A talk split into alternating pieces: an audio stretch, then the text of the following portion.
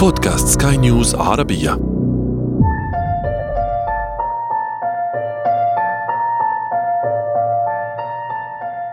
في عام 2015 اكتشف باحثون داخل أحد الكهوف في جنوب إفريقيا قطعا عظمية ل 15 جسدا بشريا. بعد إخضاعها للبحث تبين أنها تشترك مع البشر الحاليين في كثير من الخصائص لكن المذهل أن عمرها قدر بين 335 ألف إلى 236 ألف عام. أطلق العلماء على هذه البقايا اسم إنسان هومو ناليدي وفي الخامس من أكتوبر من عام 2017 نشرت مجلة ساينس العلمية المرموقة ورقة بحثية تفيد بأن إجمالي التركيب الجيني للأشخاص من أصل أوراسي يحمل نسبة بين 1.8 من عشرة إلى 2.6 من عشرة في المئة من التركيب الجيني لإنسان من البشر الأوائل يعرف باسم إنسان نياندرتال. أوضحت تلك الورقة البحثية أن بعضاً من الأمراض التي يصاب بها الأوراسيون وبعضاً من المناعة التي يتمتعون بها انتقلت إليهم من النياندرتال.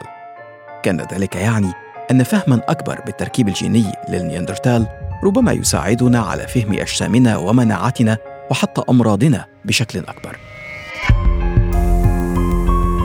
قبل أكثر من 300 ألف عام كان هناك بشر عاشوا على هذه الأرض لكن كم هو عمر الإنسان على الأرض؟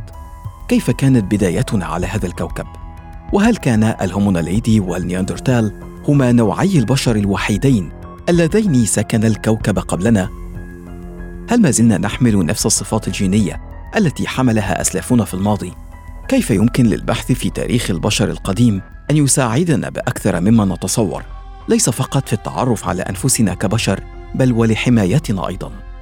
هذا أنا عمرو جميل أحييكم وأنتم تستمعون إلى بودكاست بداية الحكاية. بداية الحكاية.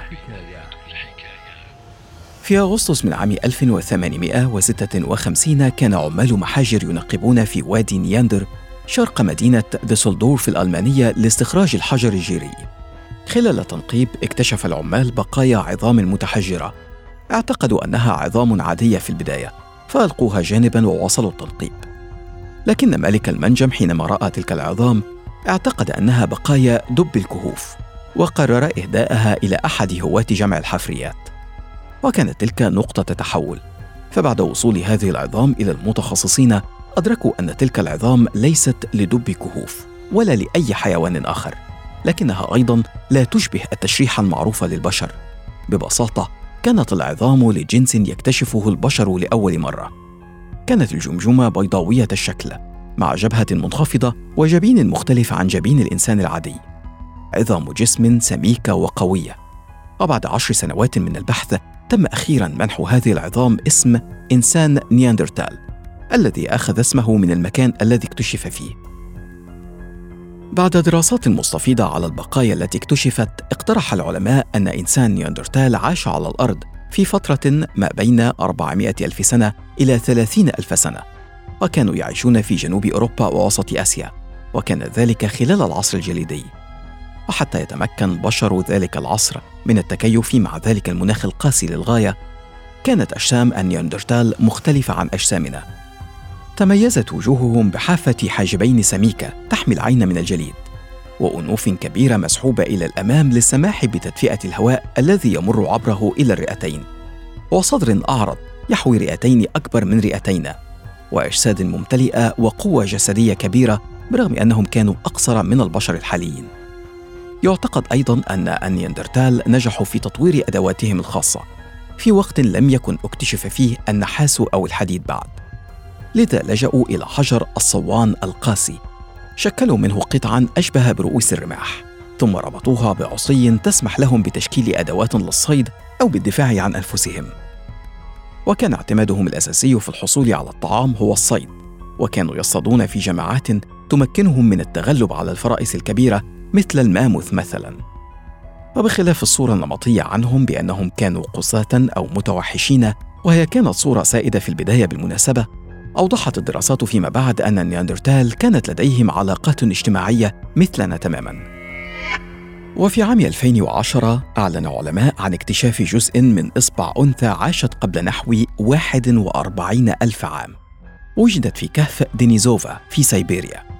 بعد إخضاعها للدراسة تبين أن الحمض النووي الموجود في تلك العظام لا يزال موجودا في نسبة 3 إلى 5% من السكان الأصليين في أستراليا. وفي 2015 اكتشف باحثون في كهف بجوهانسبرغ في جنوب إفريقيا أكثر من 1500 قطعة عظمية ل 15 جسداً بشرياً بين أطفال وكبار في السن. أطلق عليهم اسم هوموناليدي.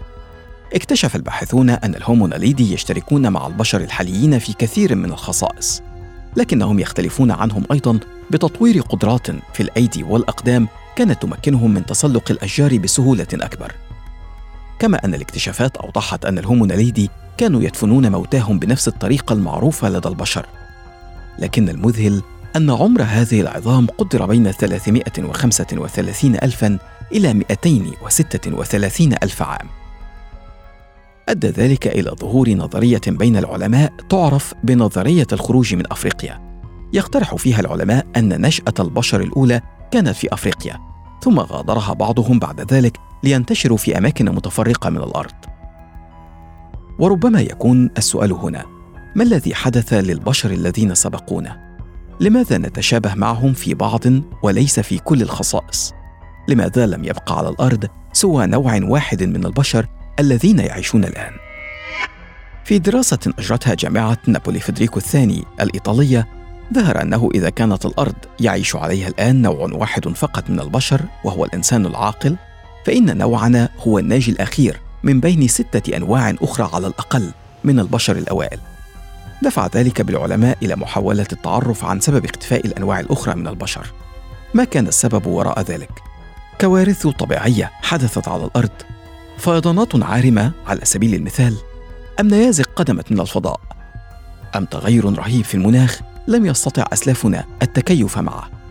للإجابة عن هذا السؤال صمم الباحثون محاكاة استخدموا فيها برنامج كمبيوتر عالي الدقة يحاكي أحوال المناخ السابقة في محاولة لتوفير بيانات حول درجة الحرارة وهطول الأمطار وتغير النماذج المناخية التي سادت كوكب الأرض على مدار خمسة ملايين سنة ماضية.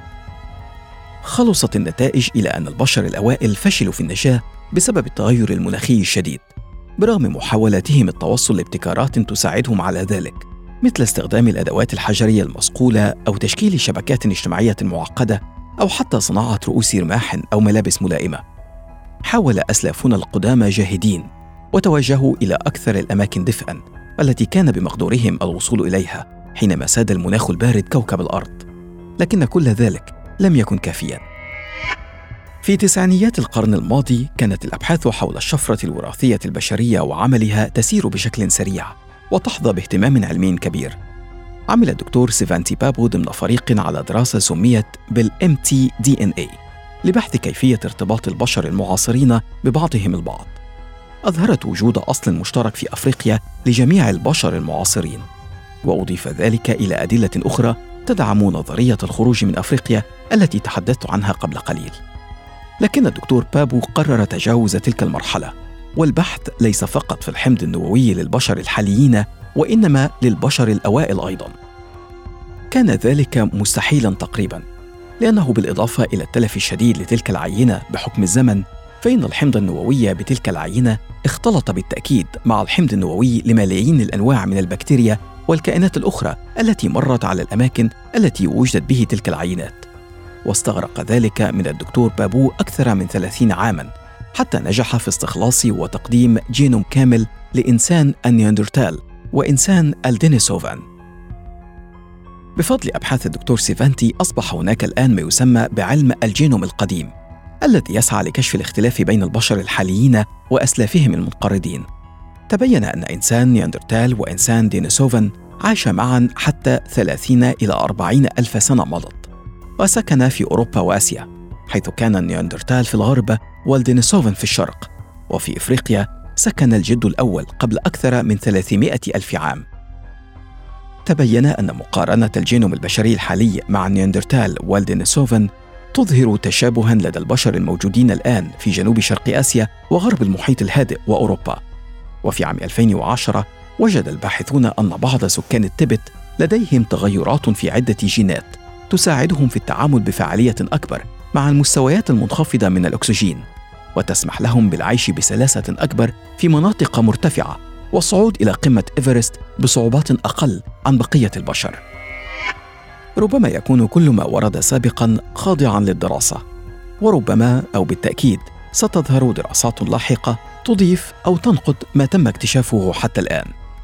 ربما لم نكتشف سوى القليل جدا عن أنفسنا لكن المذهل أننا حاليا ومن عينات صغيرة جدا وشبه تالفة أصبحنا نعرف الكثير عن بشر عاشوا قبل عشرات الآلاف من السنين وربما ينجح البشر في يوم من الأيام في الإجابة عن تساؤلات عن وجودهم وحياتهم وبداية ظهورهم على هذه الأرض بداية الحكاية, حكاية. حكاية.